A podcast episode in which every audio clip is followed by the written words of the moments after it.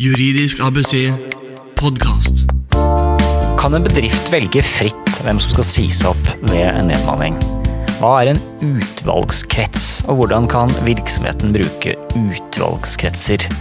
Og kan virksomheten ansette nye personer i faste stillinger når det er klart at det vil komme nedbemanninger i nær fremtid?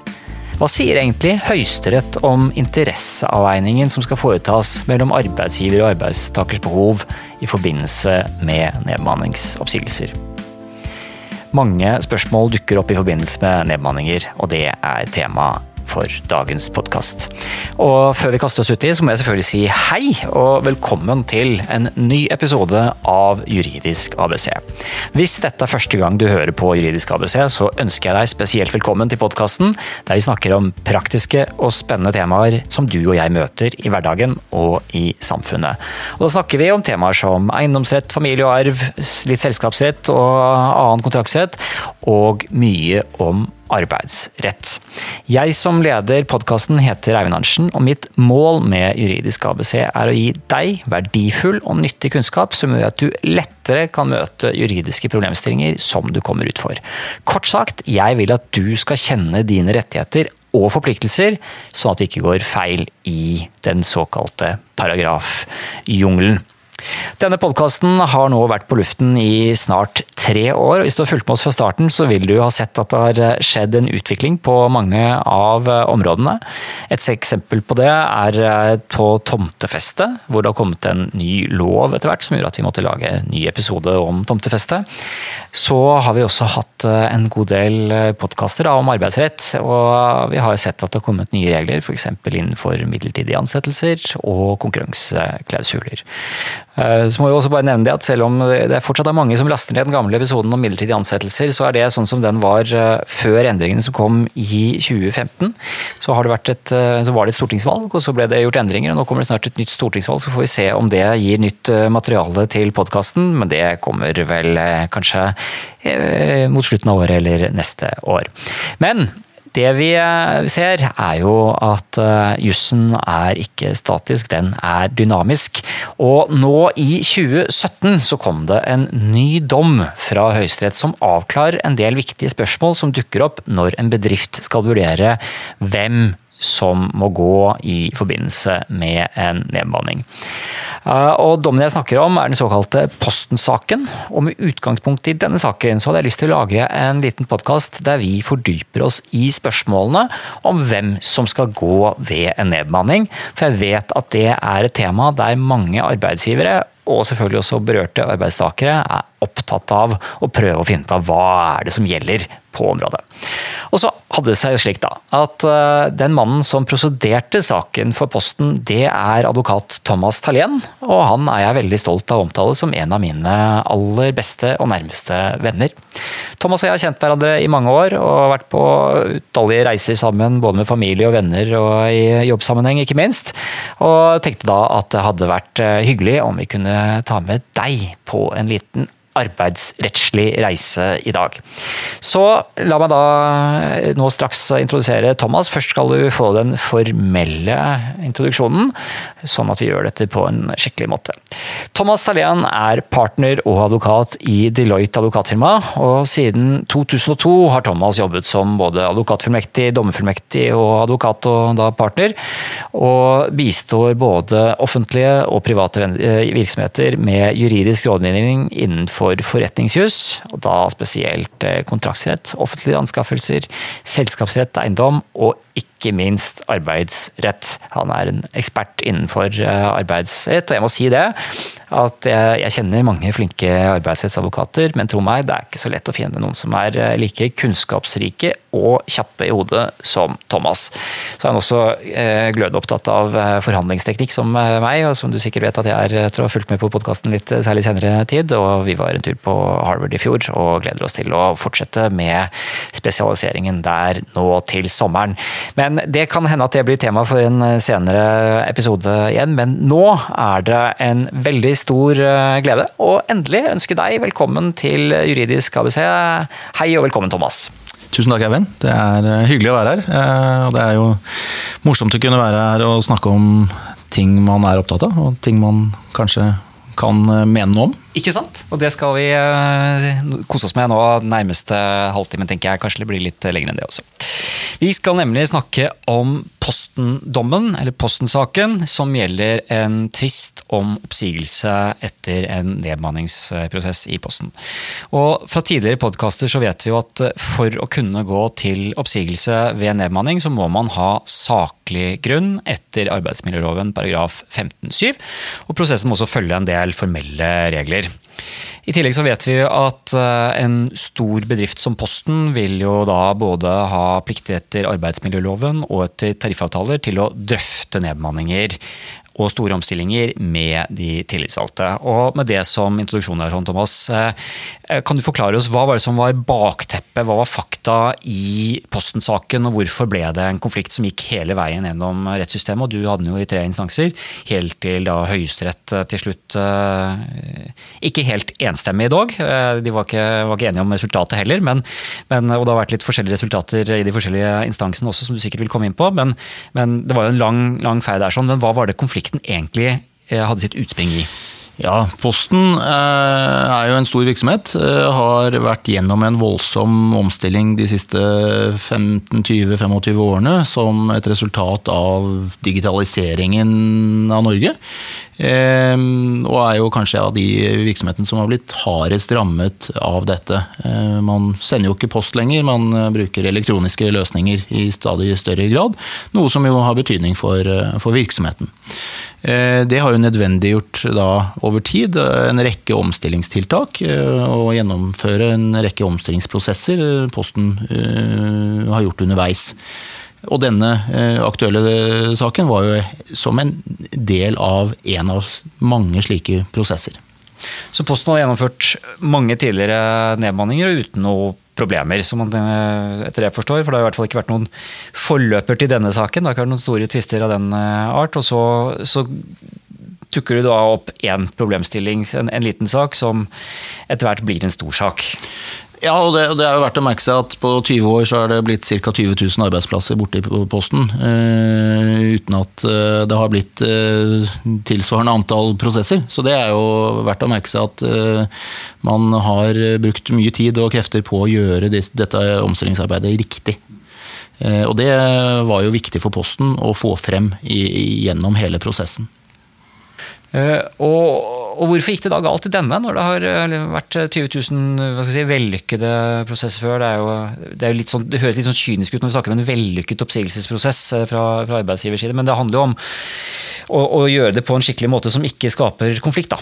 Og, ja, og det, ja, det jeg forstår at Posten også ønsket å gjøre her sånn. Absolutt, og, og, noe er jo nedbemanninger, noe er jo omstillinger uten nødvendigvis eh, nedbemanninger. Og Posten har jo over tid vært veldig, veldig flinke til å ikke eh, si opp folk, men eh, løse dette gjennom omplasseringer og naturlig avgang. Eh, og eventuelt virkemidler.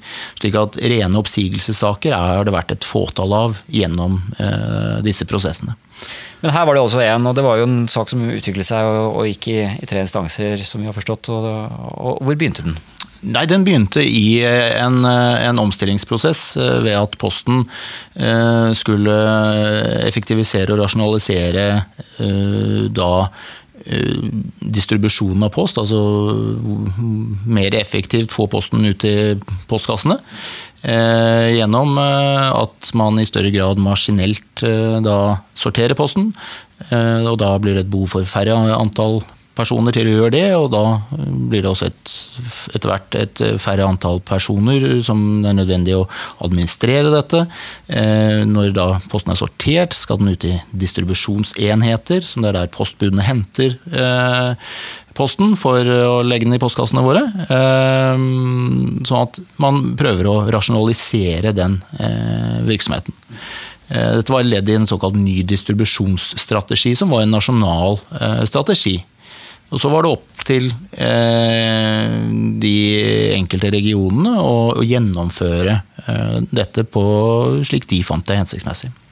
Så bakgrunnsteppet er litt eh, Det er sånn robotene kommer og tar arbeidsplassene våre. Og, så har det også vært eh, reduksjon i antall dager posten distribueres og den type Ja, ting. det- og det er slås det sammen geografisk. mange, mange årsaker til at man har eh, hatt behov for å gjøre, disse omstillingene. Ehm, og denne omstillingen da dreide seg om å redusere antall distribusjonsenheter, altså hus der hvor postbudene henter posten for å levere ut på rutene. Sentralisering. Sentralisering. Men det høres jo greit ut, dette. Er ikke det klassisk saklig grunn til oppsigelse? At man har rasjonaliserer, tidene endrer seg, og det er eh, behov for færre hender? Absolutt, Eivind. Eh, Og, og oppsigelser, eller grunnlaget for eh, omstillingen, var det heller ikke omtvistet. Og har heller ikke vært spesielt gjenstand for vurdering. Der var man enig om at Posten har et eh, omstillingsbehov. Mm. og man skal kalle det et løpende, eller eh, det, det er i hvert fall et eh, stort omstillingsbehov, og som vil også pågå i årene som kommer. Derfor er det viktig for Posten, eh, som de var nøye på å, å få frem gjennom prosessen, at det er viktig at de gjør det opp på en ordentlig måte. Eh, Derfor har man også da virkemidler og avtaleverk som skal regulere dette utover lovens utgangspunkt. Så da forstår jeg deg dit hen at uh, tvisten oppstår når man kommer til den vanskelige uh, oppgaven. Hvem skal ut uh, oppgaven? Uh, du skal velge hvem som sies opp, og, så, og da kan det jo bli uenighet mellom, mellom de som er i den aktuelle målgruppen, og ikke minst så kan det være noen som, som mister jobben, som protesterer. Absolutt. Eh, Det, og det er jo sånn at Domstolene er generelt tilbakeholdne med å overprøve grunnlaget for en omstilling eller en nedbemanning. De er desto mer opptatt av sakligheten ved fremgangsmåten. Altså eh, hvordan eh, arbeidsgiver forholder seg ved gjennomføringen av en omstilling eller en nedbemanning. Hvor man gjennomfører nedbemanningen. Altså det man kaller å avgrense utvalgskretsen. Eh, Og eh, i forhold til anvendelsen av de kriteriene, altså de eh, kriteriene man har å, velge blant de som er i spill. Og så har vi forstått at da var det greit at, de nedmannet, at posten nedmannet. Så ble det en sentralisering her, sånn, og da kom vi inn på dette med utvalgskretser. Kan du si litt om hvordan Posten valgte disse kretsene? Og det- Kretsen er jo da, altså da se på hvil- hvilken gruppe av Ja. ansatte man skal si opp. Um, innenfor denne regionen så var det 28 såkalte distribusjonsenheter. Eh, og blant disse så eh, valgte man, basert på en nøye forretningsmessig vurdering, å slå sammen enkelte av disse ut ifra hensyn som geografi, nærhet, eh, logistikk, eh, eh, ledelsesspenn, altså hvor mange ansatte har den enkelte leder ansvaret for, gjorde man da en, en nærmere vurdering av hvor mange enheter man skulle slå sammen, og, og hvilke som skulle slås sammen. Eh, Og istedenfor å eh, gjøre dette med mange eh, i én sekk, så valgte man her å gjennomføre dette på en måte ved at man da slo sammen to enheter, og den nye enheten, altså de to til sammen, var da utvalgskretsen i det enkelte tilfellet. Eh, og dette fulgte eh, av omstillingsavtalen eh, i forhold til definisjon av hvilket sted eh, nedbemanningen skal gjennomføres ved omstillinger. Så det var en omstillingsavtale her sånn. Kan du fortelle litt om hva en omstillingsavtale er, og hvordan den kommer i stand? Ja, eh, mange virksomheter har etter hvert omstillingsavtaleverk. eh, Særlig de større virksomhetene. Posten er ikke alene om det. Det er mange store virksomheter som har eh, et behov for å ha et avtaleverk ved gjennomføring av omstillinger. Det kan være eh, ikke nødvendigvis bare rene nedbemanninger, men hvor man har et behov for å, å endre på strukturen i virksomheten. Eh, Og da eh, er jo det et avtaleverk som gjerne er fremforhandlet med de tillitsvalgte.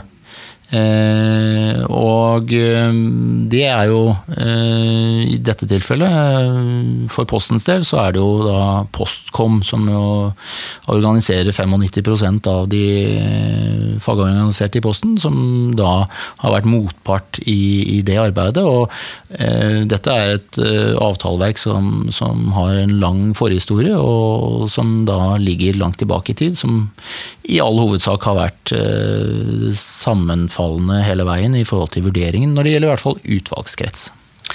Ok, Da begynner vi å få eh, litt oversikt her. sånn. Eh, Det var behov for en omstilling. Eh, Man har valgt kretser etter en omstillingsavtale som er fremforhandlet i samråd med de tillitsvalgte.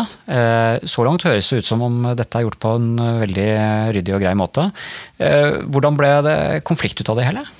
Nei, det er et godt spørsmål. Eh, Det som jo i praksis skjedde, er jo at ved sammenslåingen så blir det jo en overtallighet på lederfunksjonene. Både på nestleder- og ledernivå. Eh, Og eh, den utvelgelsen på lederfunksjonene gikk jo på ansiennitet. Eh, Det innebar at den som da eh, av de to eh, hadde kortest ansiennitet, eh, da eh, fikk eh, tilbud om ny stilling eh, med bibehold av lønn i en periode, men, men altså en såkalt endringsoppsigelse. Fordi eh, lederfunksjonen var jo bortfalt. Men er ikke det også greit? Altså, Ansiennitet er jo et veldig objektivt og enkelt kriterium. Er den som har den som har stått lengst i samlebåndet får beholde plassen. Det er jo litt sånn den gamle tankegangen har vært i hvert fall. Absolutt, eh, og det var for så vidt ansiennitetsprinsippet var jo heller ikke bestridt her. Eh, Det som eh, kanskje kom på spissen, var jo ansiennitetsprinsippets rekkevidde når man begrenser utvelgelseskretsen. Okay. Forklar det litt nærmere. Ja, det, I det så ligger det jo at man eh, ved å At man har et færre antall personer å anvende et eh, prinsipp på, så, så får jo prinsippet mindre betydning. Mindre gjennomslagskraft. Nettopp fordi det blir så små enheter, og da eh, Og, og det- særlig med utgangspunkt i, i det som er, må anses som være hovedregelen i norsk rett, og det er at virksomheten skal ses under ett Ja. som eh, ved nedbemanninger og omstillinger. Så kan vi kanskje skyte inn at det er vel et, eh, det er en annen avgjørelse som kom i fjor også, Noka-saken, som eh, hadde eh, linjer til det samme, men uten at vi skal ta en full gjennomgang av den her. sånn, men Noka-saken var jo noe av bakteppet for, for saken. Den kom, Avgjørelsen der kom mens vår sak var til ankebehandling i ankeutvalget. Eh, Sånn at den har nok ikke hatt eh, noen direkte betydning i forhold til den tidligere vurderingene, men, eh, men det er jo elementer der som både modifiserer det tidligere utgangspunktet når det gjelder adgangen til å avgrense utvalgskretser, og som kanskje Høyesterett så et behov for å, å korrigere i etterkant av det. Og da var det også en ansatt som eh, mente at eh, måten dette ble, laget, eh, dette ble utført på, selv om det var i samsvar med denne omstillingsavtalen som du viser til, så gikk hun da til søksmål. Og det er jo også viktig å merke seg at, og du sa det jo, det var ikke snakk om en oppsigelse per se, det var snakk om en endringsoppsigelse, en, en annen stilling. og jeg har merket meg også i, i, i dommen at det ble jo lagt frem eh, rause tilbud til den, ansatte som mistet jobben i Posten, eller eh, mistet sin opprinnelige eh, stilling, men som, eller og fikk tilbud om en annen stilling, ville jo da beholde lønn blant annet i jeg tror det var to og et halvt år, eller noe, ikke det? Ja, det var over fire år, faktisk. Nettopp. Eh, Så det var jo Ja overgangsordninger en masse, men, eh, men likevel, og det er jo klart en arbeidstaker som ikke er enig i en endring, kan jo selvfølgelig motsette seg det. Likevel så, så ble det da til, em, til en tvist her sånn. Eh, Og hvordan, hvordan ble det tvistepunktet en realitet? Nei, Tvistepunktet ble jo eh, en realitet i det at hun bestred adgangen til å, å gjøre det på den måten som følger av eh, omstillingsavtalen. eh, Nemlig sammensetningen av utvalgskretsen, eller kretsene. fordi det som var tilfellet her, var at dette gjorde man jo fem steder samtidig innen regionen. Dvs. Si at til sammen så var det ti enheter. Med ti ledere og ti nestledere som ble berørt, men da som ble vurdert på fem forskjellige steder. Og da kom Høyesterett etter en lengre vurdering til hva? Nei, det kom jo Høyesterett til en vurdering når det gjelder det prinsipielle, som jo er det viktige, tenker jeg å lese ut ifra dommen. At man er klar på at det er anledning til å avgrense. Eh, utvalgskretsen innenfor eh, virksomheter. Så fremt da man har saklig grunn. Og så eh, går jo dommen gjennom en rekke momenter som har betydning for saklighetsvurderingen. Eh, og det er jo momenter som er verdt å ta med seg eh, videre. Det er eh, momenter som praksis, langvarig, fast, ensartet praksis. Det er betydning som virksomhetens økonomi. Er det et raskt, eller behov for en rask omstilling? Er det ja, det er mange, mange momenter som er listet opp, for så vidt i, i, denne saken og nevnt. Eh, hensynet til forutsigbarhet eh, er jo også viktig. Sånn at der er det mange, mange elementer å huske på. Så det jo, Og dette er jo egentlig ikke nytt, at man kan ha en utvalgskrets eh, som er mindre enn virksomheten. Men det som er fint med dommen, altså som jeg leser den, er jo at du får en ny gjennomgang hvor Høyesterett på, på, mange måter er mer skal si, Eh, utdypende på de momentene. Eh, jeg ser du blar i etter, etter, dommen her også, så kanskje vi, vi får det fra, fra Høyesterett selv. Eh, og det blir, det, blir liksom, det blir, mye mer praktisk når du har hørt fra Høyesterett hvilke eh, elementer som inngår i denne vurderingen. Og det har en litt annen tyngde enn når det bare er eh, oss advokater som sitter og, og, prater om det. Så derfor er det klart at det er jo, er jo nyttig å ta med seg. Ja, og det er jo en klargjøring, og det er det Høyesterett skal gjøre. De skal jo bidra til rettsavklaring. Eh, og på et område her hvor man for så vidt ikke har noe annet enn en, saklighetskrav å vurdere, så, så, er det nyttig at noen sier noe om hvilke momenter som, som skal eh, fremholdes. Ikke sant. Og jeg ser jo også her i dommen uh, hvor førstvoterende sier at uh, som en konklusjon etter denne vurderingen at uh, etter mitt syn ligger Postens valg av, av de sammenslåtte enhetene som utvalgsrett godt innenfor arbeidsmiljølovens krav. Utgangspunktet for denne konklusjonen er at de enheter som ble, som ble plukket ut for sammenslåing, ikke var vilkårlig valgt men satt sammen ut fra forretningsmessige hensyn som geografisk nærhet og nødvendig tilpasning eh, antall årsverk til ledelsesstrukturen. Så mm. Der får man også litt veiledning tenker jeg, i forhold til hvordan, hvordan Høyesterett eh, vurderte og formulerte dette. Absolutt. Eh, og det er momentene-listen som nevnt. altså Det er praksis, geografi, funksjon, eh, kompetanse, eh, ressursbruk, ikke minst, som jo var et poeng. At hvor mye ressurser skal man bruke, mm, hvor man har et jevnlig omstillingsbehov. For det er klart at jo større omstillingsprosessen er, jo mer tidkrevende og ressurskrevende er det jo å gjennomføre disse. Og tar fokus vekk fra det man skal drive, nemlig virksomheten videre. Veldig bra. Du slår meg. og det er, jeg, jeg, tror vi har en ganske bra evne som advokater til å la, det, la praten gå mens vi finner ja, fram i papirene. og da, da, fikk vi det, og da fikk vi momentene fullstendig fram her også. En litt sånn sidekommentar på det er at uh, vi legger ut alltid litt sånn uh, Vi lager alltid en nettside på Juridisk ABC. Eh, med referanse til det vi snakker om. Og da skal vi legge ut momentlisten der også. Så Sitter du foran PC-en, så kan du bare gå inn på juridisk ABC, så, så har du den, kan følge mens vi mens vi prater oss eh, gjennom dette. Men eh, da har vi fått eh, de prinsipielle spørsmålene på plass, Thomas. Og vi har fått vite en del om dommen, og det er veldig, veldig bra som et utgangspunkt. Så skal vi straks snakke om hvilke andre vurderinger som inngikk i denne saken. Juridisk ABC podkast. Da Thomas, har vi snakket om uh, utvalgskrets, som uh, har vært en litt sånn mystisk begrep i nedbemanninger for mange, tror jeg. Eh, hvordan vil du oppsummere hva Høyesterett sa, hvis vi skal ta det i en eh, setning eller to? Ja, I forhold til utvalgskrets så er det nå ganske klart at det er anledning for virksomheter til å fastlegge kretser innenfor virksomheten å, hvor man gjennomfører omstillinger. Så fremt man har saklig grunn. Og det er jo utfordringen, er jo å ha en god og ryddig saksbehandling som kan føre til et riktig resultat.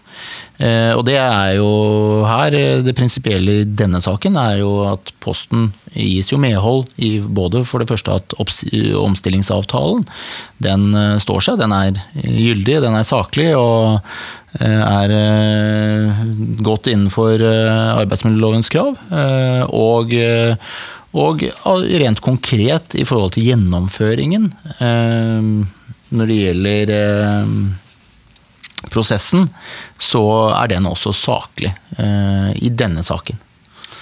Veldig bra og veldig klargjørende. Jeg tror det er veldig nyttig for uh, alle de som dessverre står i situasjoner hvor man må gjennomføre slike prosesser i egen virksomhet, og selvfølgelig også for arbeidstakersiden, hvor man vurderer sin egen posisjon i en sånn prosess.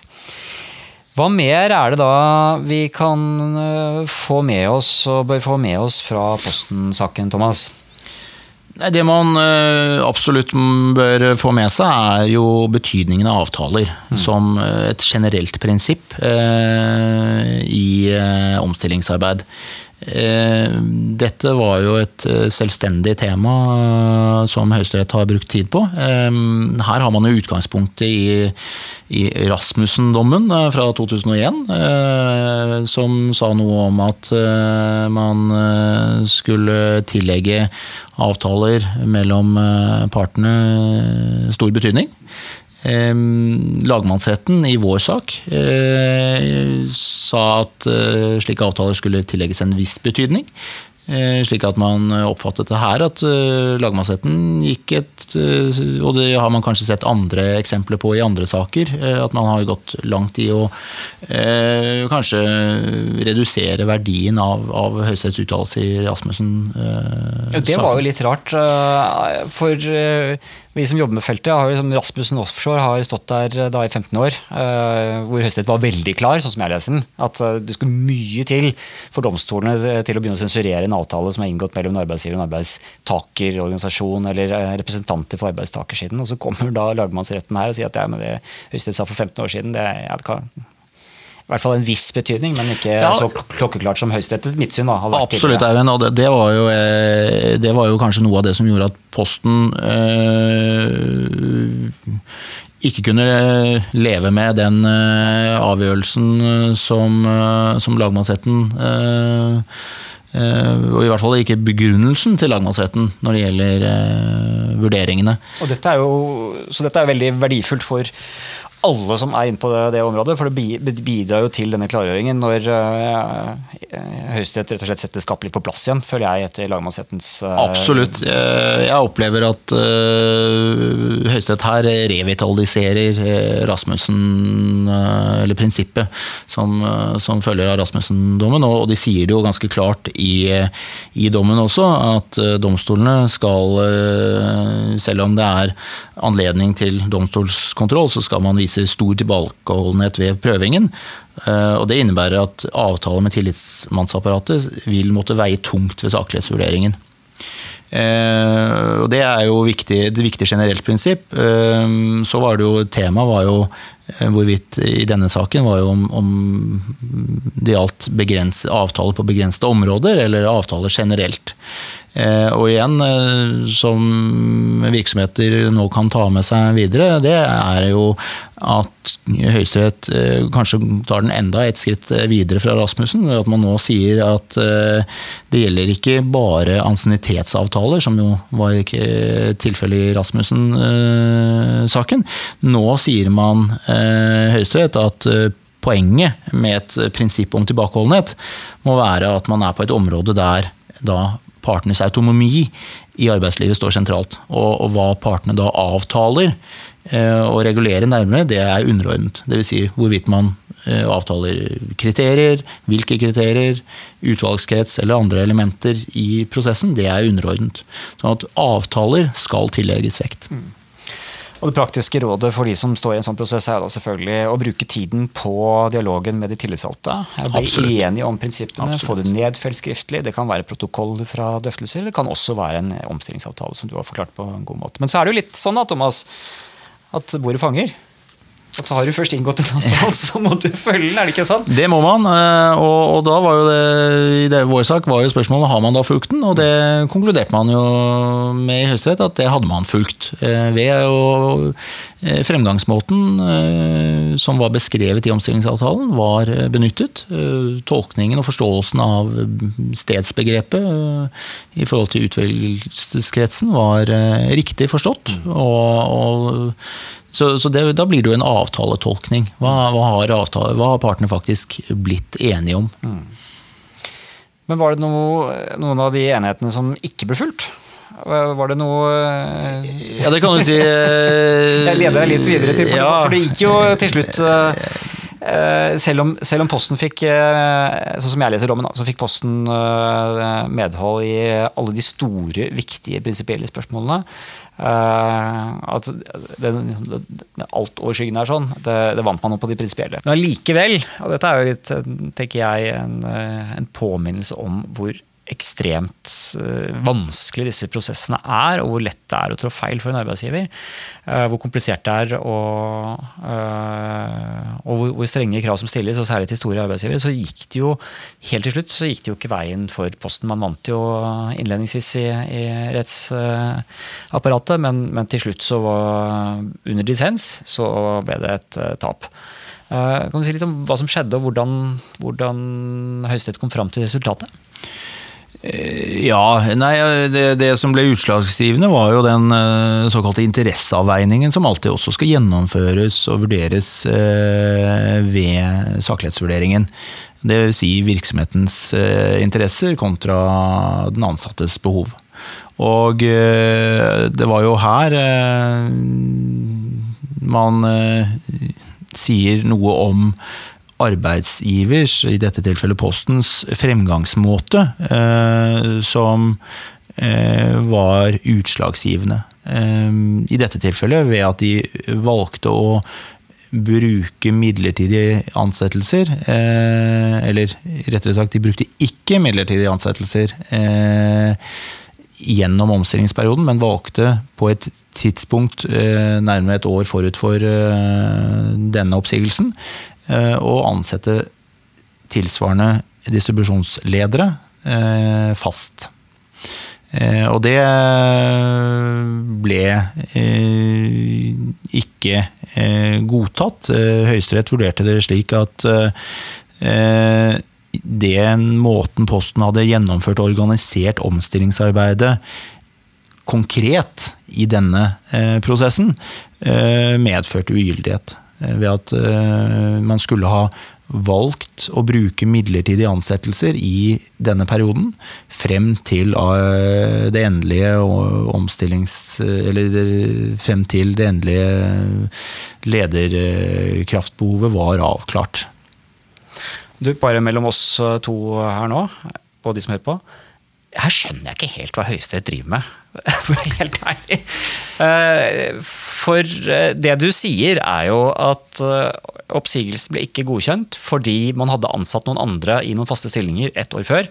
og Da kunne man i stedet brukt midlertidige ansettelser. og Dette er på et tidspunkt hvor, de, eh, altså regler for midlertidige ansettelser var strenge. Vi kjenner jo godt Nicolai Skarning begge to. Vi hadde en podkast tidlig eh, i, mm. i, gamle dager, da, da Juridisk ABC var relativt fersk, så hadde vi en episode om midlertidige ansettelser og hvor utrolig strengt det er. Eh, og så kommer da Høyesterett i din sak til at, eller Posten-saken at eh, Posten da skulle bruke midlertidige ansettelser ett år før de sa opp vedkommende. Og det fikk avgjørende utslag ved interesseavveiningen, sånn som jeg forstår det. Og hvis du kan holde på en hemmelighet.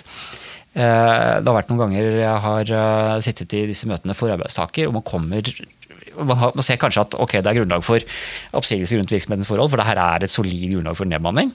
Uh, kretsen er kanskje stor nok og god nok, eller kanskje er det hele virksomheten. Og så kommer man liksom, drassende med denne, ja, så er det interesseavveiningen, da.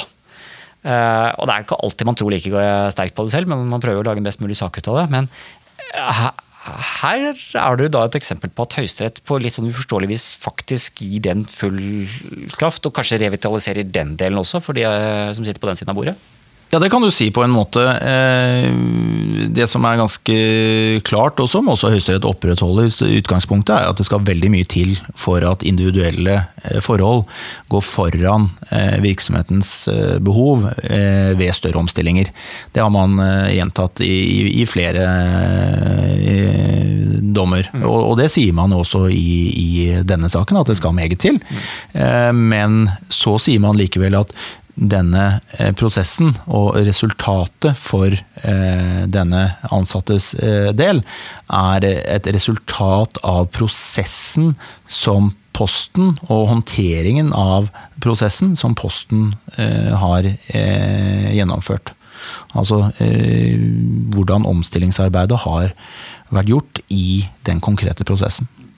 Og, de bruker jo eh, da et eh, begrep eh, og en uttalelse i, i i førstevoterende i saken, som man sier at uh, slik foreliggende sak ligger an, spiller imidlertid disse avveiningsmomentene en underordnet rolle sammenlignet med mer strukturelle interessespørsmål ved omstillingsarbeidet. Det vil si at man løfter for så vidt interesseavveiningen Eh, ut, over den eh, direkte avveiningen mellom arbeidstaker og arbeidsgivers eh, behov og interesser. Mm. Og hvilket jo betyr at arbeidsgivere må altså virkelig eh, ta det Høyesterett sier her sånn ad notam, og være ekstra påpasselige i forhold til eh, ja, det tror alle elementer. Må ja, to, to skritt tilbake og virkelig ha fullere perspektiv på prosesser. Jeg tror Utfordringen ligger jo i forutsigbarhet i prosesser fremover. fordi eh, en, en konsekvens av dette er jo at man hele tiden må vurdere eh, hvorvidt man skal ansette fast eller midlertidig, eh, fordi man i en senere eh, situasjon kan komme opp i en omstillingssituasjon, eller eh, hvor, hvor de aktuelle stillingene da kan bli satt i spill, og at man da blir møtt med at nei, man skulle her ha ansatt midlertidig, slik at man senere hadde hatt handlingsrom for, for utvelgelse. Og det er eh, sånn sett, så ikke overraskende, så følger jeg jo mindretallets eh, argumentasjon når det gjelder dette, som eh, jo mm, går langt i å antyde at den forståelsen flertallet legger til grunn av, i forhold til arbeidsmiljøloven paragraf 14-9 om, om midlertidige ansettelser, er en utvidelse. Mm. Ja, for det er jo det som, som ligger i, i, saken. At det, det, var jo ikke, det var ikke enighet eh, da Høyesterett rådsla her sånn. Nei, det er det ikke. Og, og, og, det er sånn at både forarbeider og til arbeidsmiljøloven og juridisk eh, litteratur har jo vært tydelig på at omstillingsarbeid ikke i seg selv hjemler eh, midlertidige ansettelser. Eh, og så kommer jo eh, nå Høyesterett i denne saken til at nettopp i et omstillingsarbeid så åpner man adgangen for å bruke midlertidige ansettelser eh, i påvente av en endelig avklaring. Så, så det er, blir interessant å se hvordan dette blir håndtert videre. Du hører Juridisk ABC podkast.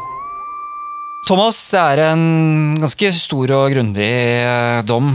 Eh, det tar vel eh, en times tid å lese den hvis du skal gjøre det, gjøre det grundig. Det er, det, er, det er, kompakt materie, og det er mange elementer i denne postendommen.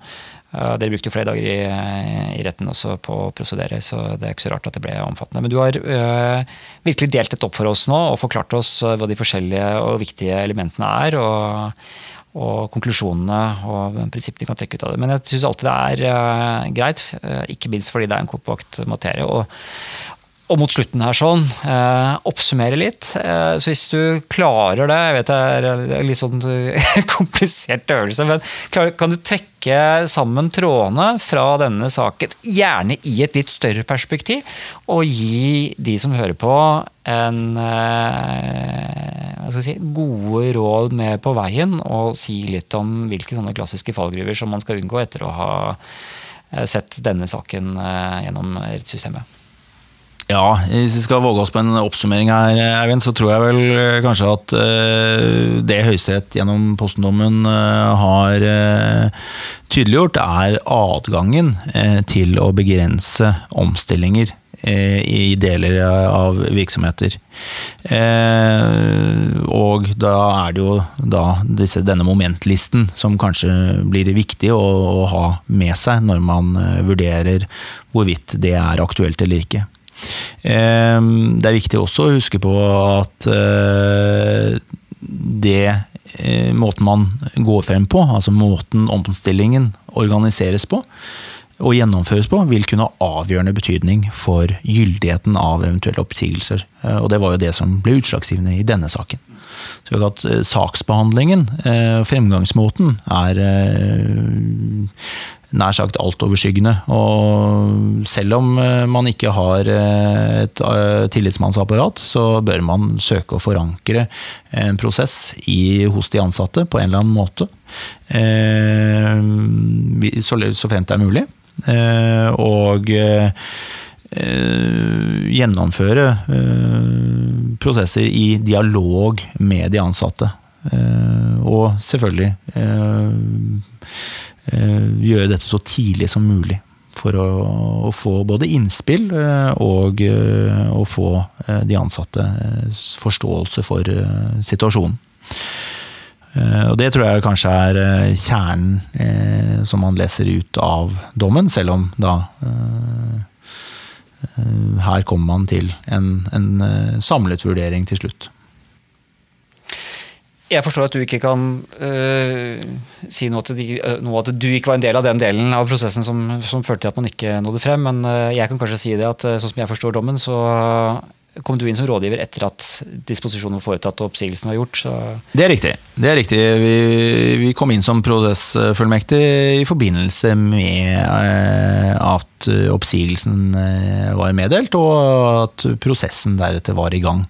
Vi var ikke rådgiver i, i gjennomføringen av omstillingsarbeidet. Og jeg vil jo gratulere deg med veldig bra resultat i forhold til de viktige tingene, som jo der er det Høyesterett eh, vel har, har, eh, har, sluppet inn saken på også og tatt stilling til, og, og trekke opp de store linjene i forhold til, eh, til nedbemanninger. Det har jo vært nedbemanninger i noen år, uh, år nå. Jeg så tilfeldig nå, jeg hadde en sånn påminnelsesapp på alle de mulige ting jeg skal gjøre. Jeg hadde For noen år tilbake så hadde jeg at jeg skulle skrive en artikkel 'Ny nedbemanningsbølge på gang?' spørsmålstegn. Fikk aldri egentlig kommet i gang med den artikkelen, for plutselig så kom den bølgen og har vært over oss i flere år. Og du, har jo nå, du har jo vært eh, i et annet advokatfirma i eh, en, en, periode, men du er jo nå eh, legal counsel, advokatpartner i Deloitte. En av verdens eh, største leverandører av konsulenttjenester, herunder også da juridiske tjenester. Er det, er det mye Jeg stilte samme spørsmålet til, til, Per, som du også kjenner, Per Bjørn i DLA, et av verdens største advokatfirmaer, for uh, halvannet år siden. Da sa han at det var mye reising og mye nedbemanninger en gang. Hvordan er det i Deloitte for tiden? Er det, er det, er, mye ja, det er prosesser? mange prosesser. og, og det er jo som vi nevnte innledningsvis, digitaliseringen i samfunnet. Den gjelder ikke bare for Posten, det gjelder for alle bransjer. Det kommer for fullt. Robotisering eh, innen alle bransjer eh, kommer til å få stor betydning fremover, og har da selvsagt også betydning i forhold til eh, omstillinger og nedbemanninger.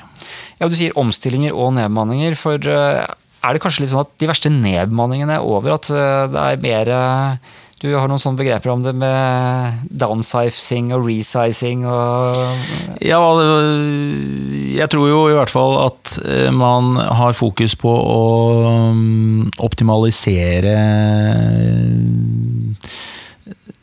bemanningen eh, og tilpasse den, den, teknologiske utviklingen. Det kan gjøres enten eh, ved omskolering, og at de som er der får eh, anledning til å utvikle seg i kombinasjon med, med, andre virkemidler. Men det kan også være at man eh, får et annet eh, kompetansebehov som gjør at man må vurdere det annerledes, og kanskje i større grad se på nettopp kompetansevurderingen fremfor ansiennitet som et viktig, viktig utvelgelseskriterium i tiden fremover. Det blir spennende å se hvordan eh, det utvikler seg. Jeg eh, skjønte at det var eh, over 100 deltakere på det sånn morgenfugl jusseminar hos Deloitte i dag. Mange engasjerte tilhørere fra ulike deler av både næringsliv og organisasjoner og alt. Det sier mye. Det kommer til å være mange som hører på denne podkasten helt sikkert også.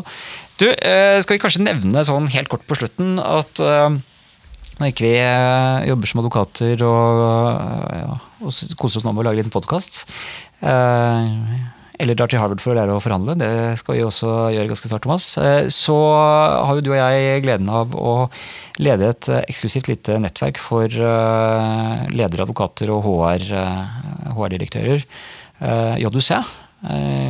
Skal du si to ord om, om JUC også? Hva vi gjør i nettverket, og hvordan folk kan få vite litt mer om det hvis de er interessert? Ja, det kan vi gjøre. Ehm, JUCs nettverk i arbeidsrett er jo et eh, som du sier, et, en eh, engere krets. Det er eh, dyktige mennesker som samles fire ganger i året for å diskutere sentrale problemstillinger innen arbeidsretten. Og da er det jo masse kompetanse og erfaring rundt omkring, både i næringslivet, i organisasjonene. Eh, og ikke minst blant eh, advokatene som, som møtes der for, for, litt meningsutveksling og erfaringsutveksling. Og tror eh, min erfaring i hvert fall er at både jeg og andre har hatt stor glede av å kunne møtes i litt andre fora enn domstolene og rettssalene så er du en, eh, må si det, er du en viderekommende innen eh, arbeidsrett og jobber veldig målrettet med disse, disse, spørsmålene. Du behøver ikke å være arbeidsrettsadvokat, men eh, i hvert fall at du jobber med med HR eller arbeidsrett, så er JUC og fagnettverket arbeidsrett eh, Da hadde vært hyggelig å se deg der. Vi begynner, Det går sånn i sesonger. Og neste sesong begynner vel til høsten, og det er mulig å melde seg på der nå. Ja, ja, og alle, alle, som, eh, alle som interesserer seg for dette og jobber med dette, eh, vil jo kunne bidra aktivt der. Og det er jo sånn vi praktiserende advokater lærer, er jo gjennom erfaring ute i, i felten. Og den er det jo de som sitter med til daglig, som kanskje er nærmest. Veldig bra. Eh, jeg vet du har veldig hektiske dager nå, Thomas. Eh, både med alt som eh, ligger hos Deloitte, og med å være rundt og fortelle om nedbemanninger, utvelgelseskriterier, Posten-saken etc. Tusen takk for at du tok deg tid her. Veldig hyggelig, Eivind. Alltid hyggelig å prate med deg. I like måte. Eh, og hvis noen vil ha tak i deg, så eh, går man bare på Deloittes sider, eller søker man på Thomas Tallien, eller eh, man kan jo gå inn på ja, begge deler. Og legge legger ut kontaktinformasjon, selvfølgelig. Absolutt. Det er mange måter å, å finne meg på. Det er nok lettest via hjemmesiden til Deloitte, deloitte.no. Strålende. Tusen takk for at du var med, Thomas. Takk for i dag. Takk. Du hører Juridisk ABC podkast. Det var dagens episode, og som alltid ellers så blir det en egen side for denne episoden på juridiskabc.no.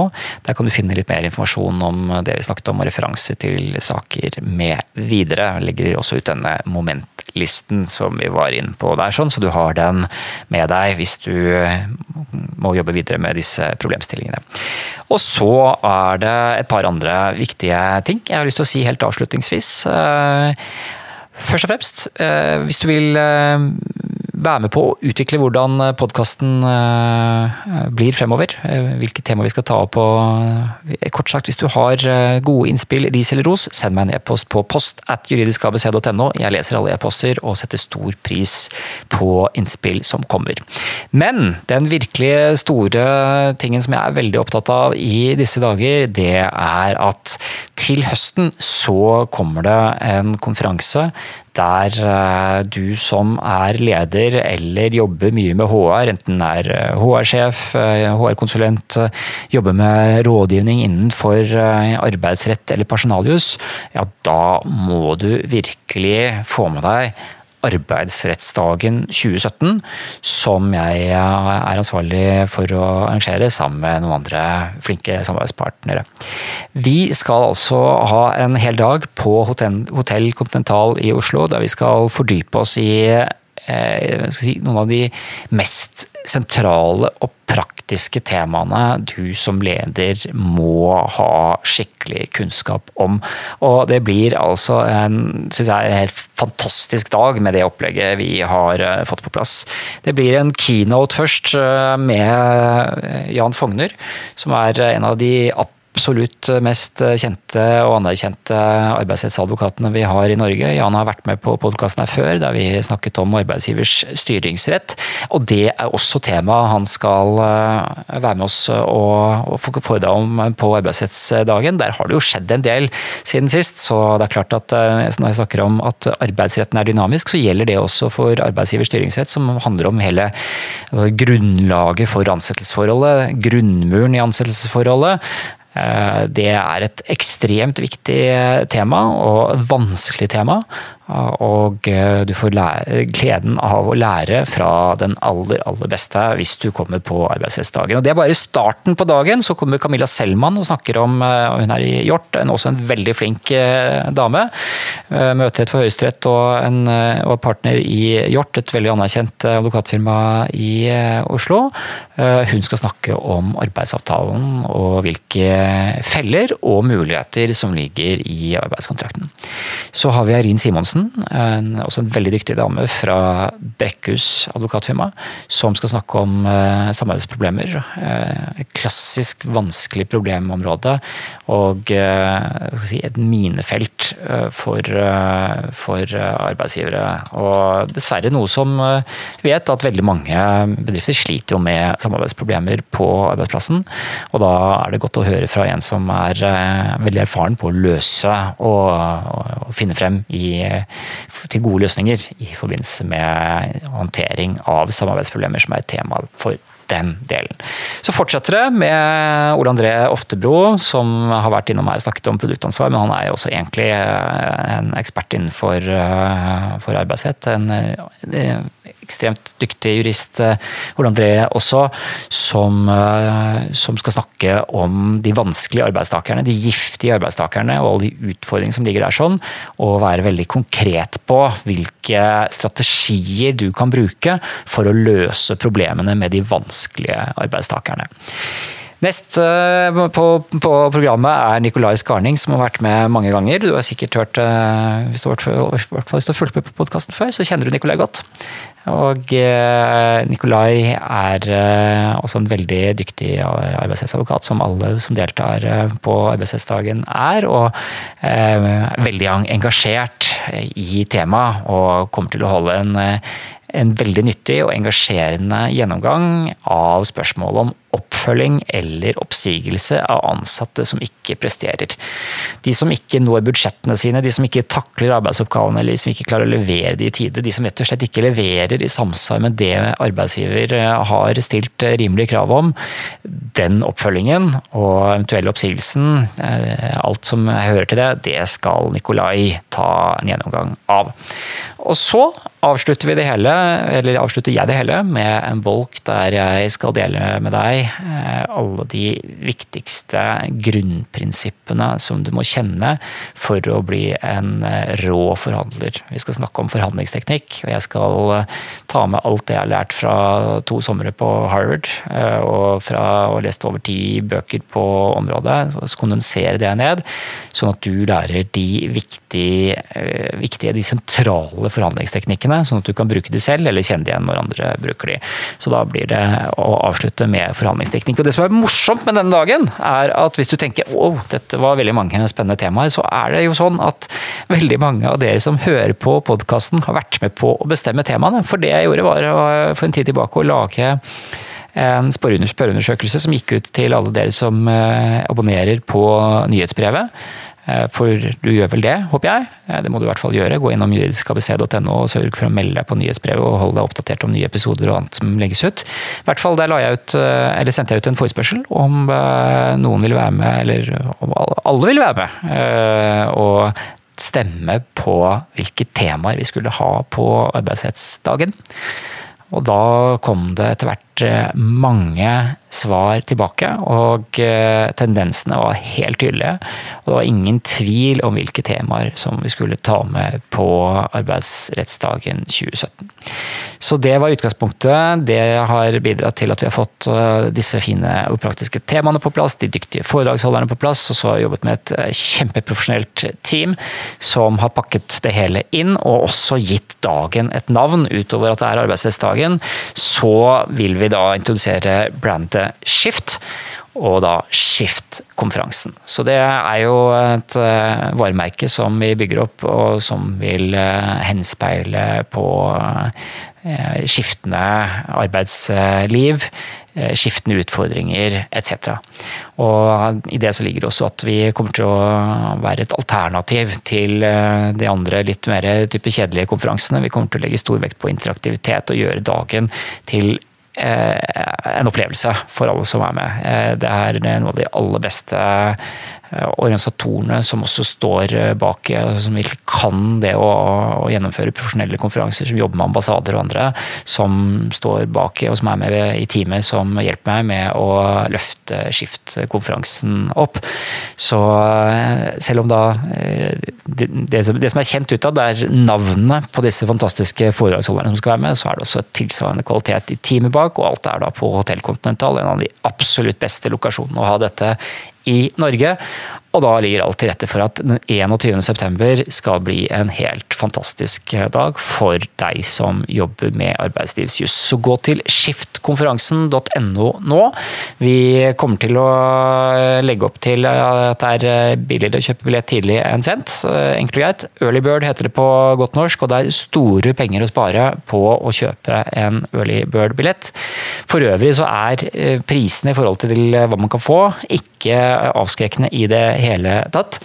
Det vil jeg si. Vi har virkelig holdt, eh, holdt prisene på et eh, veldig nøkternt nivå og høyst konkurransedyktig med andre tilsvarende arrangementer. Og så legger vi til en veldig morsom ting. Vi prøver oss på å lage en speakers dinner som vil være veldig eh, begrenset i antall plasser, men inntil 30 av deltakerne kan også da eh, kjøpe en litt dyrere billett, men som da man får veldig mye igjen for pengene ved at man da får være med på en eh, middag som vi holder med forfatterne på slutten av dagen.